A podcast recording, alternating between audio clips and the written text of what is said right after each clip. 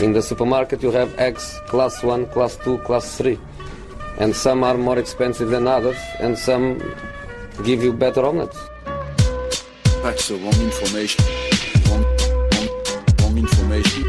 I didn't say that. That's the wrong information. Do you think I'm an idiot? Wrong, wrong, wrong information. Now look at me when I talk to you. Your job is to tell the truth. That's the wrong information.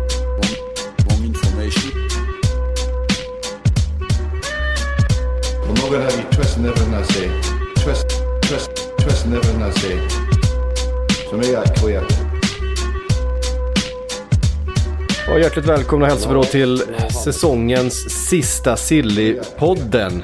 Ehm, deadline Day var igår. Det hände lite grann. Inga stora raketer som var ute och flög. Men ehm, lite att prata om fanns det i alla fall. Väldigt mycket Liverpool i, i fokus eh, förstås. Inte minst då det som sen blev eh, officiellt på, sent på kvällen som såklart Liverpools ledning redan kände till eh, tidigare.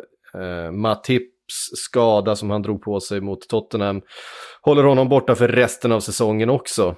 Vilket är en helt eh, sinnessjuk otur för alltså, Alltså, hur, den här säsongen har utvecklats liksom, eh, för mittbackarna där. Eh, Vilket då gjorde att Liverpool fick eh, med kniven mot strupen värva in två stycken nya mittbackar under det här transferfönstrets sista eh, dag. Frida och Makoto. Ni var med igår såklart eh, på sändningen. Eh, det hände lite andra grejer. Vi ska försöka gå igenom några av de sakerna som faktiskt hände på sista dagen. Vad var era, vad var era intryck eh, Ja. den måndagskvällen i februari? Alltså det var väl ungefär lika händelsefattigt som man kan förvänta sig att det skulle vara. Alltså det, vi satt ju och tänkte på Dele Alli, Din Dinjeko, Dio Costa och den typen av namn och funderade kanske, kanske, kanske kan det hända något. Men det, var ju, det pratades ju inte ens om dem i slutändan. Så det vart ju Liverpools mittbacks, alltså väntan på Liverpools mittbacksbekräftelse. Eh, den här Joshua King-historien piggade ju ändå upp där på sluttimmarna när både Everton och Fulham fick accepterade bud. Och sen eh, Minamino där från, eh, lite från ingenstans för Southampton också, som kanske ändå är, kändes som en väldigt logisk och genomtänkt eh, låneaffär må så vara att den dök upp så abrupt där på slutet. Alltså, de har säkert, eh, de har, de har säkert haft den här konversationen eh, under en period med känt att det, det har funnits andra saker som skulle lösas först. Ja, det, det var väl också lite Joshua King-prat där. Ja, precis. När det kom till Southampton. Att, vi, vi kommer till Joshua King, för det var en grej som hängde, hängde med hela vägen in i kaklet, precis som eh, Minamino. Um, ehm, eh, Arsenal skickade ett par spelare på lån, eh, Fulham värvade in Josh Maya. um, och Brighton eh, plockade in eh, Moises Caicedo. Men vi kan väl gå igenom lite grann, eh, i lite närmare detalj i alla fall. Frida, två stycken nya mittbackar till Liverpool. Ben Davis från Preston och sen Kabak från Schalke 04. Vad, hur går dina tankar inför situationen och står inför och de här två namnen som har kommit in? Mm, nej men att de lyckades med sitt uppdrag i slutändan. Att i alla fall få in någon, vilken levande kropp som helst i princip, som kan spela mittback. Ehm, ben Davis tycker jag verkar ganska spännande ändå. Um, verkar ha en fin vänsterfot. Det är väl så mycket man, man vet om honom i, i nuläget. Men uh, av det man har hört, alltså folk som, som har bättre koll på, på Preston och sådär så eh, verkar det som att det är en ganska lugn och stabil 25-åring eh, som ju har en del erfarenhet då eh, från eh, A-lagsspel och det är väl allt man begär. Eh, vad gäller Kabak så känner jag mig lite mer osäker ändå. Eh, just för att ja, vi vet ju om att han har varit inblandad i en del spottskandaler och eh, eh, är lite oförutsägbar också. Han får ju fyra månader på sig här nu att visa hur, hur bra han kan vara eh, och hur mycket han kan utvecklas och sen får ju Liverpool komma fram till om de ska köpa loss honom eller inte. Så att all press är ju på honom Egentligen. Eh, att visa vad han går för nu. Eh, men på det stora hela med tanke på hur mycket det här kostade. Eh, cirka 3 miljoner pund för två spelare. Eh, visserligen då ett köp och sen ett lån på sex månader men ändå. Alltså det... Mm, de gick in med inställningen att de skulle lösa det här mittbacksproblemet och eh, det tycker jag väl att eh, de gjorde så gott de kunde med tanke på att det var eh, ja, alltså bara något, något ynka dygn kvar på fönstret. Alltså, på pappret är ju Özan Kavak en väldigt spännande värvning egentligen. Att det är ju en, det är ju en mittback som det har pratats om ganska länge, både till Liverpool och även andra klubbar, sett i ålder och potential och så vidare. Sen nej, hösten i Schalke, den eh, är ju ingenting att skriva hem om direkt. Men, alltså det är ju riskfritt för Liverpool. Det är ett läge där de egentligen behöver få in vem som helst, bara det är någon där. Eh, här får man titta på en spelare man har funderat på väldigt länge i ett halvår och sen därefter avgöra om vi vill faktiskt värva honom eller inte. Så att det är en väldigt smart lösning i det här läget. Ben Davis, den vänsterfoten, är ju otroligt hypad nu känns det som eftersom att det är det enda vi vet om honom förutom att han spelar i Preston. Alltså, den där vänsterfoten kommer alla ha superkoll på när han går in där och ska starta mot Brighton i veckan om han nu får göra det. Eh, men också, det måste ju vara en spelare man ändå som kanske inte vanligtvis har dykt upp på radar men som gör det i ett sånt här akut tillfälle där man i princip inte riskerar någonting för en spelare som mycket väl kommer vara ganska nöjd med att vara fjärde alternativ. Kanske även på sikt kan vara nöjd med att vara ett fjärde alternativ beroende på hur det går. Så att klokt och korrekt agerat av Liverpool ändå i den här akuta situationen de hamnar i. Tror ni någon av dem startar redan mot eh, Brighton i veckan? Ja, det är väl mycket Ben möjligt. Um, lutar väl mest åt Ben Davis. Men um, med det sagt så vet man ju aldrig riktigt hur hur eh, det brukar ju vara så här när, när en klubb plockar in spelare som man kanske inte har superbra koll på. Så, så blir det inte riktigt som man tänkt sig. Jag tänker tillbaka på Arsenal inför säsongen när man satt och funderade på hmm, vilken mittback kommer få chansen och alla trodde att William Saliba skulle gå in från start och sen så blev det Gabriel istället och Saliba fasades ut. Så vi vet ju inte så mycket egentligen. Eh, men det är väl klart att man tror att Ben Davis borde vara mer alltså, up for it än vad Kabak kanske är. Att det, det finns en större risk med att slänga in Kabak. Men eh, vi får väl se hur Klopp eh, tänker. Han är ju duktig på att utveckla spelare också. Det, det måste man ju ha med sig i, i åtanke. Klopp lyfte ju Kabak som kaptensmaterial i intervjun här när man presenterar honom också. Så han verkar ju se andra former av alltså mentala egenskaper hos Kabak än av detaljerna som vi kanske har varit lite tveksamma till sett till incidenterna som har varit. Ja, det var ju tydligen den, den rapporten han har fått från sin vän David Wagner som ju hade Kabak. Eh, som tränade Schalke eh, tidigare här och mm, eh, det är ju liksom den, eh, ska man säga, egenskapen, den, den eh, mentala egenskapen som Klopp värderar kanske allra högst. Det är ju bara att titta på det, det laget som han har satt ihop är ju fullt utav, utav kaptener. Eh, om man ska säga, även spelare som man kanske inte ser, alls ser som nära vara kaptener i, i, i Liverpool. Medan Andrew Robertson är kapten i skotska landslaget. Eh, Wijnaldum är kapten i, i holländska landslaget när inte van Dijk är det. Ehm, och så vidare. Mohamed Salah är kapten i egyptiska landslaget. Men inte mot Midtjylland. Eh, inte mot Midtjylland. han, var lite, han var lite sur över det. Nej, men det, det är ju väldigt uppenbart så att det, är, det finns en slags eh, mental profil som eh, Klopp gillar att arbeta med och det är den här ledartypen. Någon som eh, vågar ta plats och vågar eh, höras och, och, och sådär i en grupp. Eh, och där verkar väl, ja, om man ska tro David Wagner då, eh, Kabak, stämma in på.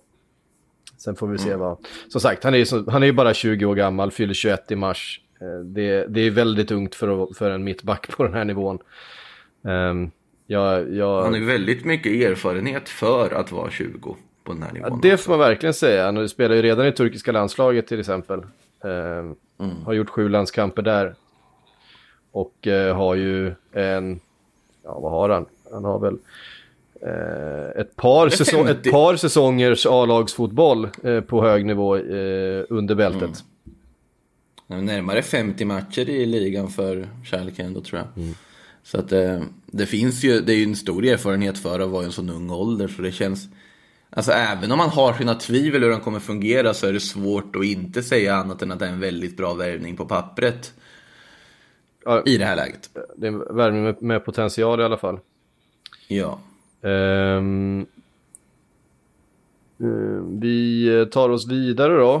eh, till andra delen utav stan. Till Everton. Eh, Carlo Ancelotti har fått in lite eh, offensiv förstärkning. Eh, norsk sådan i Joshua King.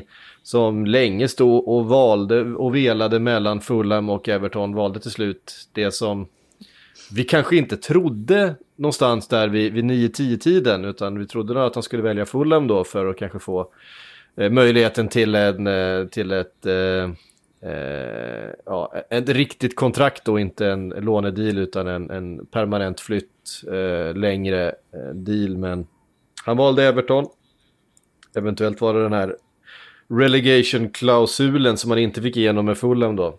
Eh, och då kan det vara bättre att vara en free transfer eh, till sommaren och ha möjlighet att gå någon annanstans. Så, vad får Joshua King för roll i Everton eh, skulle du säga Frida?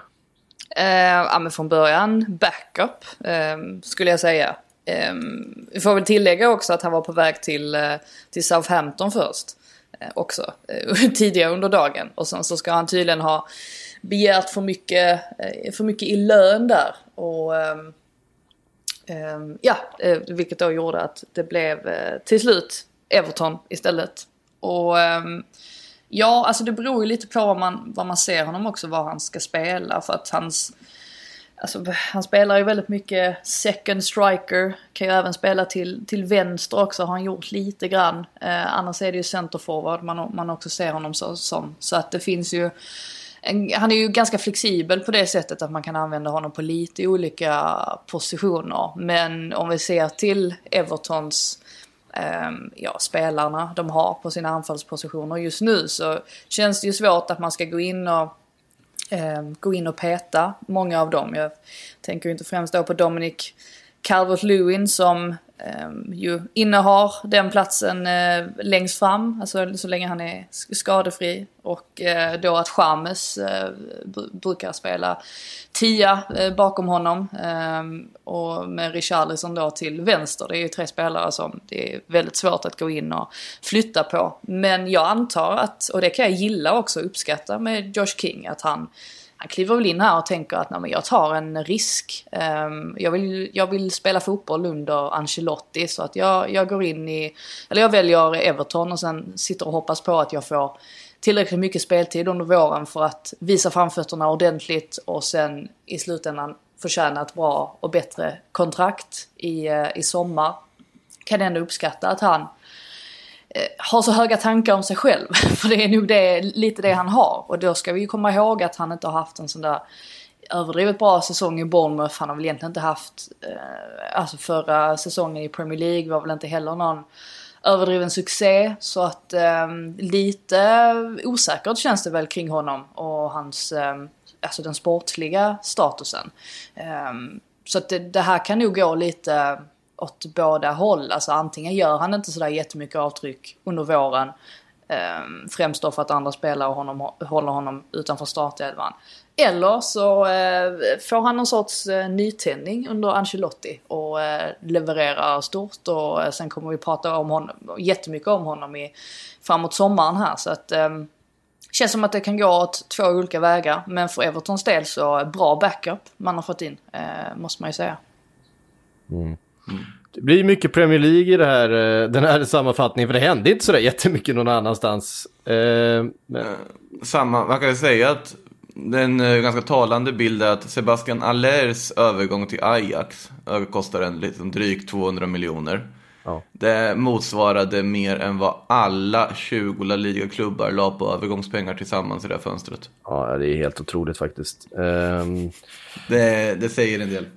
Ja, det är, inte, det är ju inte eh, svårt att dra parallellen till hur, hur Spanien drabbats eh, ekonomiskt eh, och på många, ja, hälsomässigt också såklart, eh, utav pandemin eh, och hur de, eh, de klubbarna mår ekonomiskt just nu. Det, det är tuffa tider.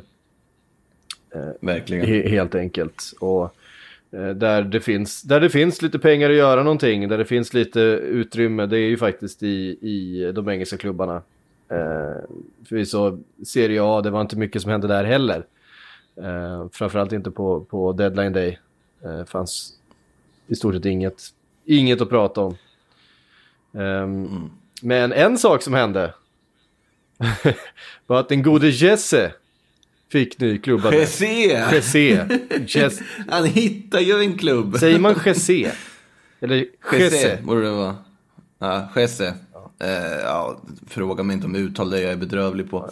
Eh, borde ju kunna på spanska ganska bra. Ja, Men, eh, Det lär väl vara så. jag, sitter, jag börjar sitta och fundera på vart apostrofen ligger på i där nu, för det är ju det som avgör det mesta där. Jesse måste det vara. Ja, det Jesse tror jag väl också. Rodriguez. Det är ju bara portugiserna ibland där man blir förvirrad. Där man ska liksom uttala j som är j Ja, än precis. sj. Men han är ju spanjor ju så att ja, ja. borde vara rätt. Jag satt tydligen och uttalade Trincao på fel sätt i alla fall när jag kommenterade Barca senast. Ah, ja. Mm. Så det blir bot och bättring till nästa gång här nu. Eh, men eh, ja, Las Palmas. Eh, kommer tillbaka till hemstaden igen denna ja, underliga spelare som aldrig blev vad man trodde utan satsade på sin musikkarriär istället och eh, gjort vissa tveksamma beslut utanför planen för att uttrycka det väldigt Fan inte dumt ändå att komma Eh. från Las Palmas alltså. Det finns sämre ställen att komma ifrån. Alltså, Ja, så är det ju. Det- hade gärna återvänt hem dit. Det, det, det är ju inget man väljer direkt att komma, vart man kommer ifrån heller. Nej, det, precis. det är kul, kul för honom. är han ju är alltså ändå. afrikan.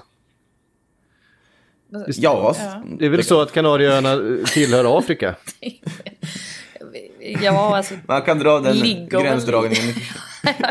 ja, eh, rent eh, Alltså- territoriummässigt så är det väl så kanske. Men det, eh, man får ju ändå Jo, säga alltså att det, det- är väldigt spanskt. Ja, ja, alltså det, det, det tillhör Spanien, landet Spanien, men kontinenten Afrika. Ja, Även om det är Ja, öar. så blir ja. Så är det. Det, Då ska han ju räknas in som en afrikansk fotbollsspelare ändå. liksom. Och få spela Afrikanska att- mästerskapen för Kanarieöarna. Vad sa du? Och spela Afrikanska mästerskapen för Kanarieöarna. Ja, exakt. Och nå- Ja, jag, Det jag, är jag, ganska jag, jag, tyst med känner den här inte riktigt, självständighetsdiskussionen där va? ja, jag känner inte riktigt att logiken är på, är på topp idag. Men ja, okej. Nej, nej det, var, det blev sent igår. Eh, får skylla på det. Ja, eh, men i alla fall det intressanta där som dök upp här nu var ju faktiskt att det var ju en ung spelare som man tror väldigt mycket på som nog sannolikt om han fortsätter på den inslagna vägen inte kommer gå samma mörka fotbollsöde som José till mötes är ju Pedri som var i Las Palmas förra säsongen eh, gör succé i Barcelona får man säga nu dit han har kommit inför denna säsong. Eh, så kostade ju egentligen bara 5 miljoner euro sades det ju. Men det har ju kommit fram att nej, det var ju lite optioner och dylikt som läggs till. Så att den där värvningen kanske det är ändå ytterligare 30 miljoner euro in till den där eh, saftiga Barcelona-skulden eh, på sikt. Bara, bara värt att notera att det, det var ännu mer pengar som Pedri kostade. Nu verkar ju han vara värd varenda krona sett i vad han gör. Eh, men ja, jag tror inte att det är en uppgradering direkt att få in eh, Jesse istället för Pedri. Men man hoppas ju ändå på något sätt att han ska lyfta igen. Och eh, då är väl Las Palmas rätt miljö. Men det, ja, eller finns ju mycket annat att syssla med utanför plan där också. Så vi får se hur det går för stackaren. Men det, det är ju noterbart, en noterbar grej som hände här i Spanien i alla fall under, under deadline day. Uh, han är ju faktiskt bara 27 år gammal. Han är inte mer. Jag kände, han, nej men det är så han är min ålder. Alltså det, det känns som att han är mycket äldre. Jag vet inte. Men det är väl han och Delofio som är ungefär lika gamla. Ja. Jag tror Delufeo är 92. Om jag inte är helt snett. Det är 94 Delofio. Va? Ja, ja, 26 fortfarande. Ah, ja, okej. Där trodde man ju att han hade hunnit bli äldre. Han har ju ändå i och för sig blivit någonting. Han var ju faktiskt väldigt bra i Watford och gjort det bra i Udinese och så vidare. Eh, köptes väl loss av Udinese om jag inte helt Ja, ute det och gjorde cyklar. Det gjorde han. I det här fönstret. Ja, till och stämmer. med. Mm. Ja. men som sagt, det var ju i eh, England som det hände och det var låneaffärer även där. Det var inte så att det, det kastades pengar omkring direkt eh, under det här januarifönstret eh, ens eh, bland de klubbarna. Vi såg att eh, West Bromwich eh, har ju ändå, alltså Big Sam, han, han, han ger det ju ändå en chans nu då, lånar in eh, Maitland Niles till exempel. Och ehm, fick in också Okej okay, Jukaslu som jag inte har koll på. Men han heter Okej i Celta förnamn. Vigo mittfält. Okej. Okej. Ehm, Eh, ja, alltså, en, en duktig mittfältare, får man väl säga, från Celta Vigo. låter lovande.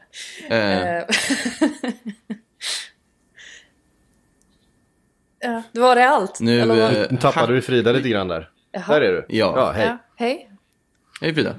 Ja, jag, jag vet inte vad. Eh, ja, men har vi... vad, vad, vad... Eh, nej men Big, Big Sam försöker i alla fall med, med eh, ändå ett ganska aktivt januarifönster här skjuta till någon slags någon slags energi till det här laget för en push för att klara nytt kontrakt även om det ser, ser ganska mörkt ut för West Brom eh, inför, inför eh, våren här får man säga. Ja, nej, men så är det ju. Um, Ainsley Maitland-Niles. eh, alltså jag är lite besviken ändå på att han inte valde Southampton. Men, eh, eller att han inte hamnade där. För jag tror att han hade kunnat utvecklas väldigt mycket under Hassenhüttel. Men det visar ju också att Maitland-Niles troligtvis inte vill spela ytterback längre. Utan att han vill ta sig in på centralt mittfält. Och eh, så som jag har förstått det så verkar det vara större chans under Big Sam att få göra det. Ehm, um, skulle bli intressant att se honom där. Det har man inte gjort så mycket i Arsenal den senaste tiden. Um, jag är väl lite splittrad kring Maitland Niles. Tycker han kan göra någon bra match då och då. Men att han um, ibland hänger lite med huvudet. Um, ibland är lite sådär slarvig. Um, ehm, och uh, att han kanske inte riktigt har den pacen alltid heller. Så att, uh, men vi får se, han kanske får någon sorts um, uh, ja, nytändning här i eh, West Brom. Om han nu får spela mycket också. För det får man väl komma ihåg att han är ju också en sån spelare där man tänker sig att han är mycket äldre än vad han är. Alltså han är ju egentligen fortfarande en talang på många sätt.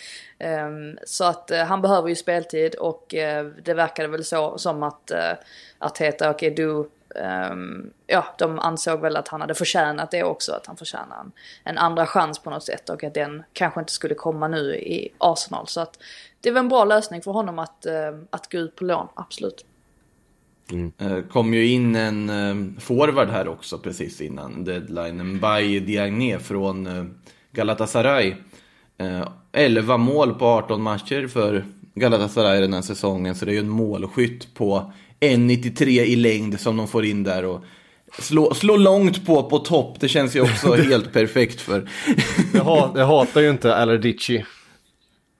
Nej, det, det känns ju som att det kan gå. Det kan gå hem ändå på The Hawthorns och ha, ha fin DNA på topp där. Um, och sen Jokuslu tror jag är en kanonvärvning på faktiskt sett till vilka behov de har för det här mittfältet. En tvåvägsspelare som kan göra det mesta och varit ganska länge i Celta och gjort det bra. Uh, kan nog göra det ganska bra i Premier League också sett till de egenskaper han har. Så att jag tycker ändå de har hanterat den här deadlinen ganska bra sett till de ja, möjligheter och potential som klubben har att locka spelare. Men Diagne fick väl spela också i helgen?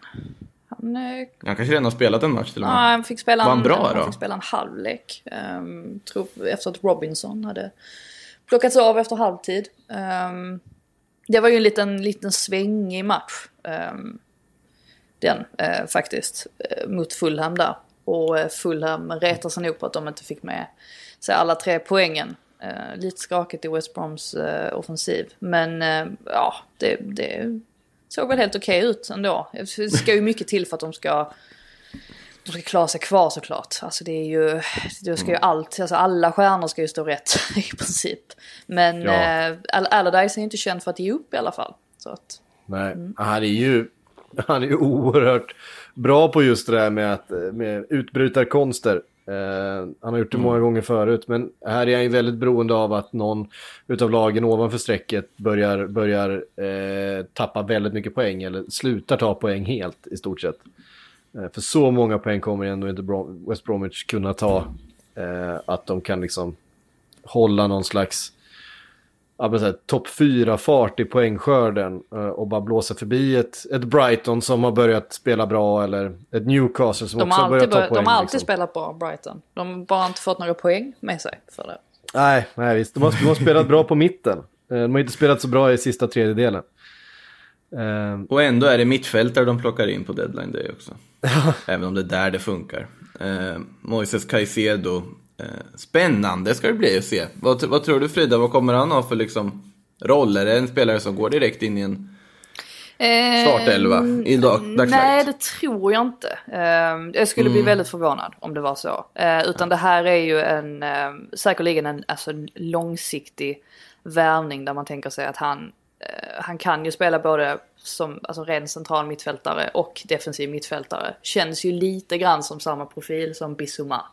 Så att jag tänker mig väl att om man skulle tappa Bissouma nu i sommar till exempel, släppa honom låta honom gå till någon eh, ja, av de intresserade klubbarna, det är ju rätt många, så eh, kan han säkert gå in som någon sorts ersättare. Eh, av, alltså jag tycker väl också att det, det visar också att Brighton är väldigt förnuftiga i sin rekryteringsprocess. Påminner lite också om när McAllister kom till klubben. Tog ganska lång tid för McAllister. Jag tycker egentligen att han har varit som bäst nu de senaste veckorna egentligen. Ehm, Så att själva den processen tog ganska lång tid för honom att eh, ta sig in i laget på allvar.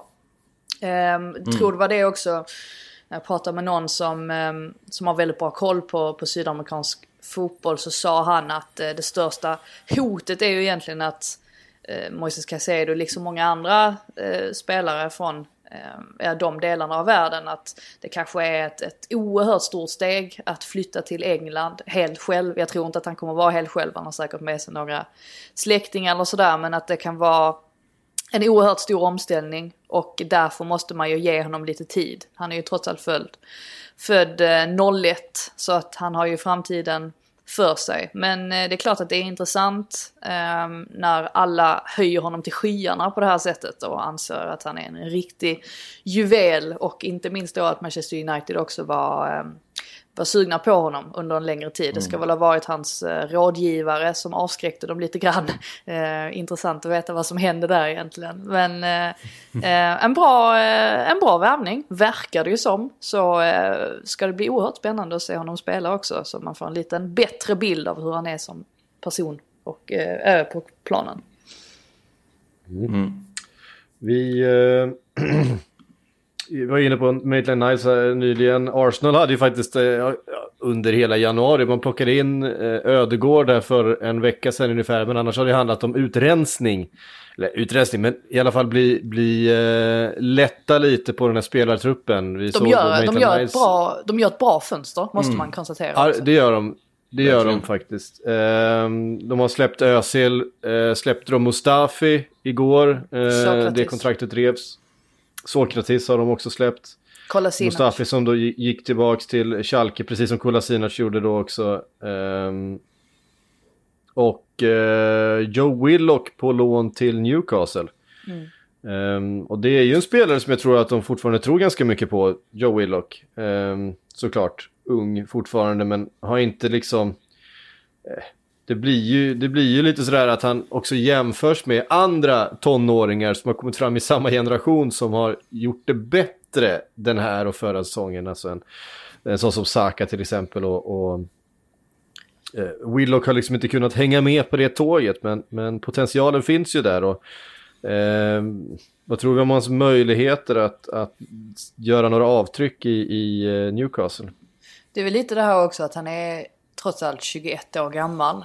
Han, där tror man ju att han är lite yngre än vad han är. Han är, han är två år äldre än Saka till exempel. Ja, precis. Ehm, och det är som du säger, han har inte riktigt um, accelererat i sin utveckling. Ehm, jag tycker väl egentligen inte jag har sett någon uppgradering kring, alltså hos honom ens sen uh, Emerys dagar.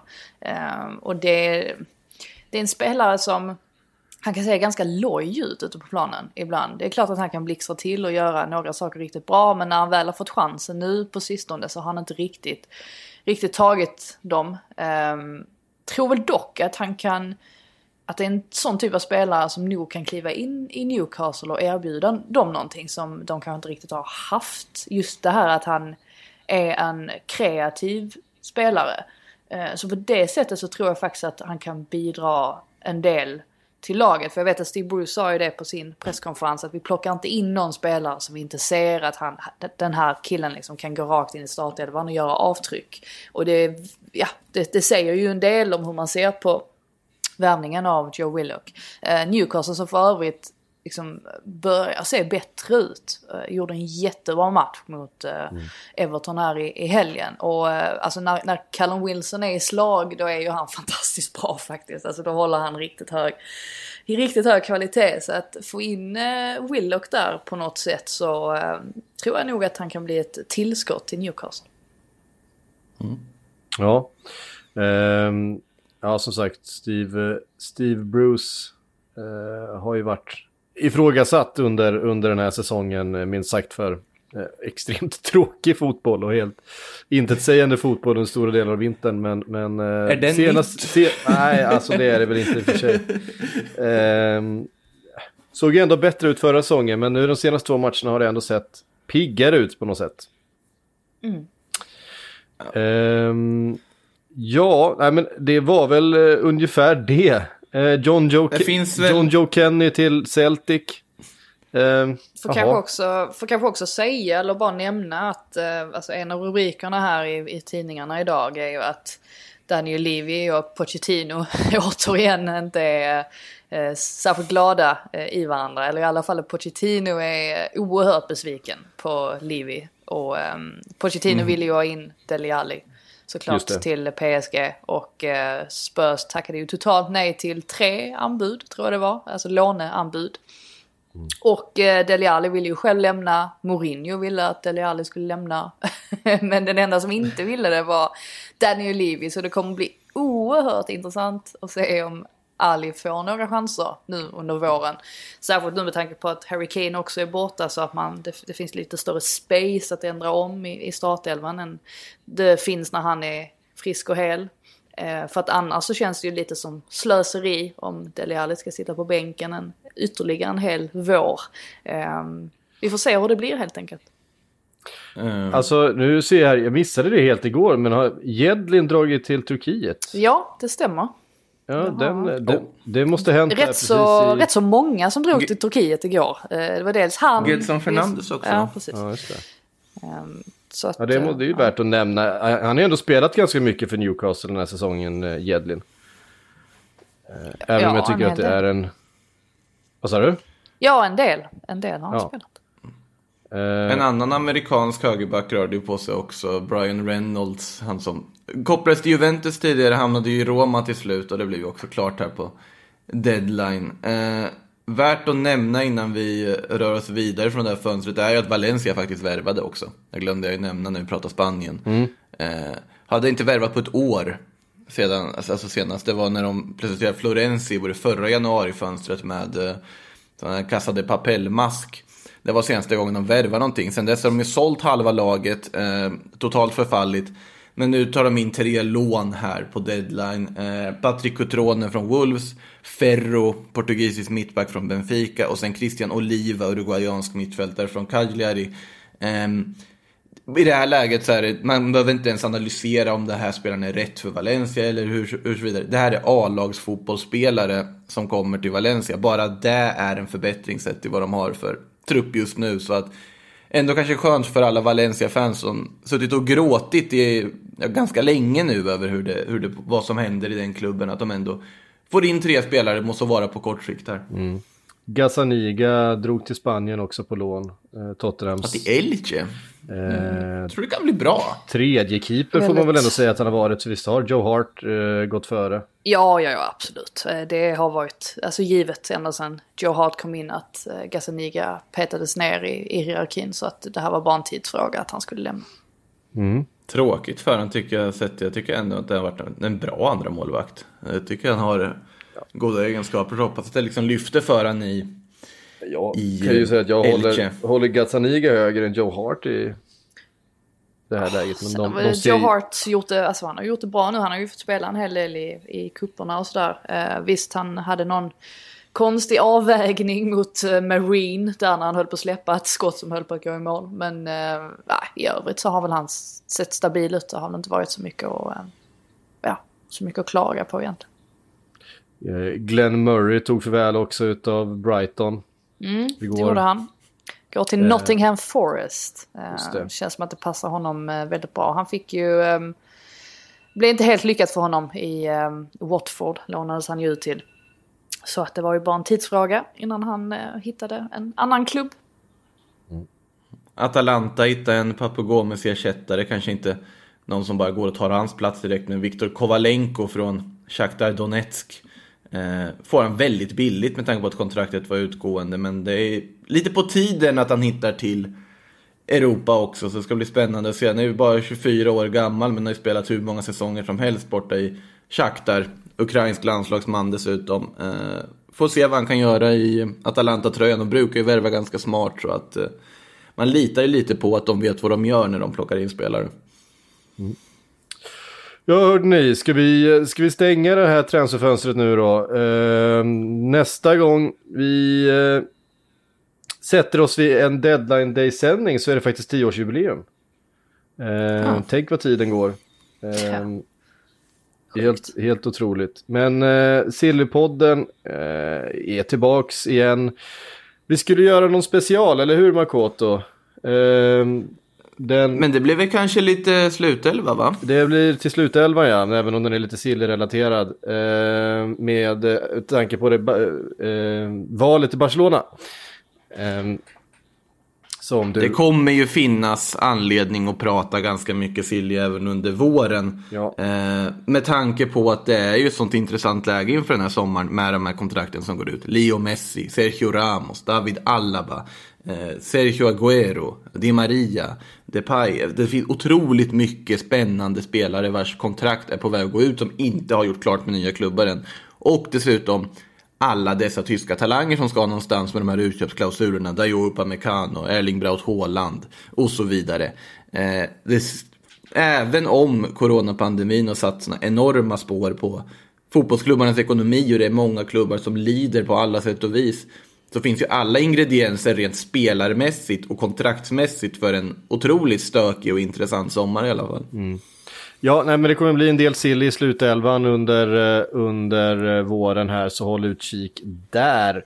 Ehm, ja, nu ska vi bara pausa här och sen ska vi göra lite Premier League-podd också för att det har spelats fotboll dessutom och spelas fotboll precis hela tiden känns det som. Ehm, Du syftar inte på Bettis Osasuna från Gårdaskullen nu? Ja, det spelades ju faktiskt fotboll även igår, men det är inte den, den kommer vi inte prata om i just den podden. Det kommer vi inte göra. Ehm, Synd. men Sillypodden säger på återhörande eh, fram i maj när vi är tillbaks igen. Eh, ja, tack för oss.